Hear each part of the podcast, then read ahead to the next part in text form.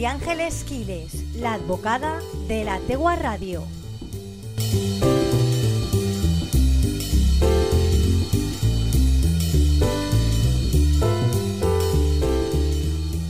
Buenas tardes, Elia, a ti y a todos los que nos escucháis. Es viernes, toca hablar de derecho y os quiero comentar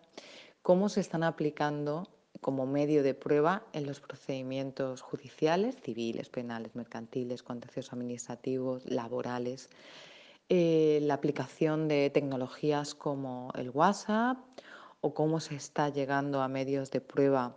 mediante la aportación de fotografías, de conversaciones de Facebook o de cualquier otro que se nos pueda ocurrir, pues cualquier aplicación en la que eh, redes sociales en la que están en contacto varias personas. Y es que recientemente ha habido una sentencia en la que ya es la, ya hay muchas, pero bueno, es la segunda significativa,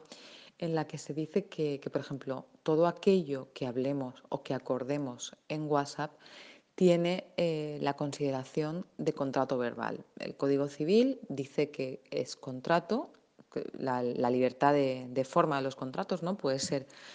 eh, realizada en cualquier forma, siempre y cuando quede acreditado la voluntad de las partes de realizar ese contrato. En este caso era pues, una chica que quería alquilar, estaba buscando alquilar un piso y se puso en contacto con los propietarios a través de WhatsApp. En el primer WhatsApp simplemente les decía que estaba buscando piso y que le habían comentado que estas personas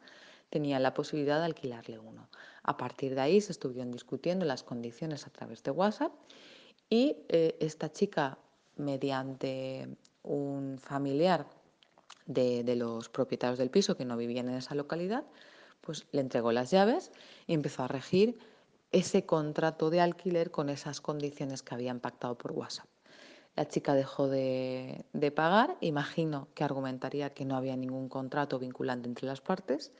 y lo cierto es que la, la parte que proponía el desahucio y la reclamación de las cantidades que se le adeudaban, presentó las conversaciones de WhatsApp, quedando acreditado para el juzgado que había existido esa relación contractual, que se debía la renta correspondiente a los meses impagados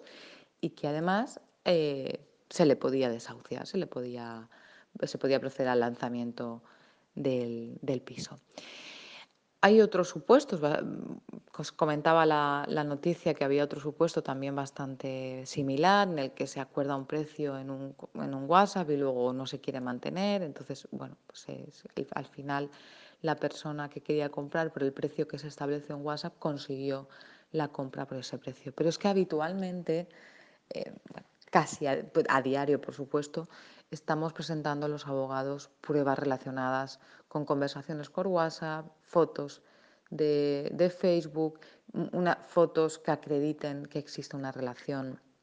eh, pues, sentimental, en los casos en los que se está discutiendo, pues, por ejemplo, cuestiones de violencia de género, si son o no eh, pareja, aportación de, estados de WhatsApp, aportación de fotos de WhatsApp,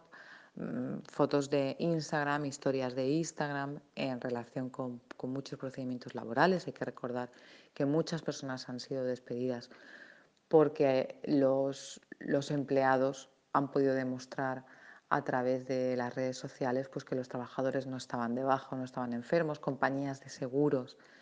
que están eh, estudiando las posibles indemnizaciones a algunas personas y entonces pues, bueno, no se han acreditado o, han dicho que se encontraban en situación de baja o que han tenido un accidente, que no pueden hacer vida normal, ejercicio y sin embargo están en las redes sociales pues precisamente haciendo todo lo, todo lo que supuestamente no pueden hacer.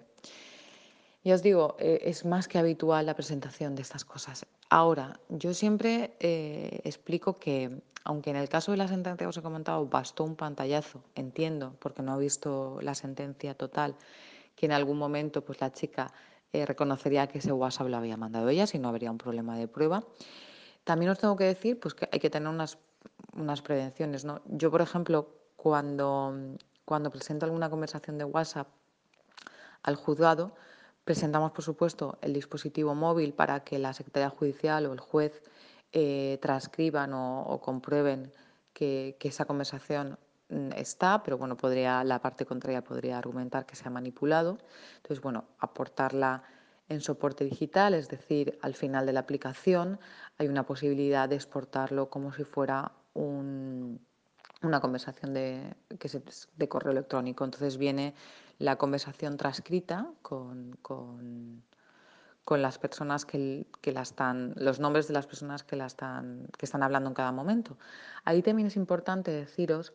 que bueno, que es muy fácil que yo con el teléfono,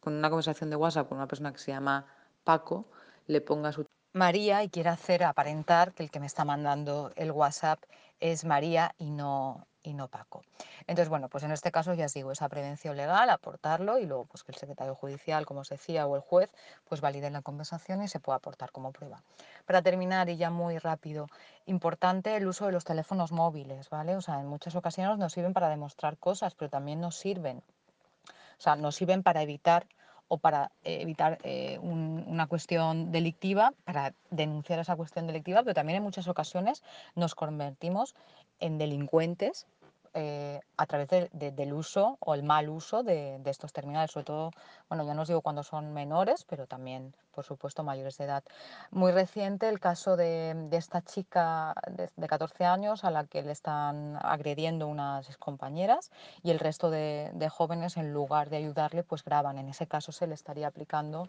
se les podría denunciar por un delito de omisión del deber de socorro y difusión de imágenes sin el consentimiento, de, en este caso, de la víctima. Por eso es muy importante que tengamos muy en cuenta y tratemos los teléfonos eh, como instrumentos y, no como armas. Y bueno, y deciros que cada vez más las aplicaciones de teléfonos móviles pues nos van a permitir más, desde la localización de personas hasta el poder seguir el seguimiento de delincuentes ¿no? que han cometido algún crimen o algún delito y a través de sus dispositivos móviles pues sabemos dónde han estado, qué han hecho, bueno, al menos qué han hecho, mm, realmente no, ¿no? Pero dónde han estado, ¿no? También qué han podido hacer en esos lugares y al final pues se convierte siempre en un medio de prueba, bien, eh, como os decía, para denunciar, bien para ser denunciados. Dicho esto, pues ya Elia, si quieres ya nos escuchamos el próximo viernes y seguiremos indagando en estas cuestiones porque la telefonía móvil y los dispositivos móviles, Bluetooth, aparatos que nos puedan geolocalizar, pues nos van a mm, aportar muchísimo trabajo y muchísimos eh, instrumentos a la hora de, defender o denunciar en un procedimiento eh, judicial. Un saludo y nos escuchamos. María Ángeles Quiles, la advocada de la Tegua Radio.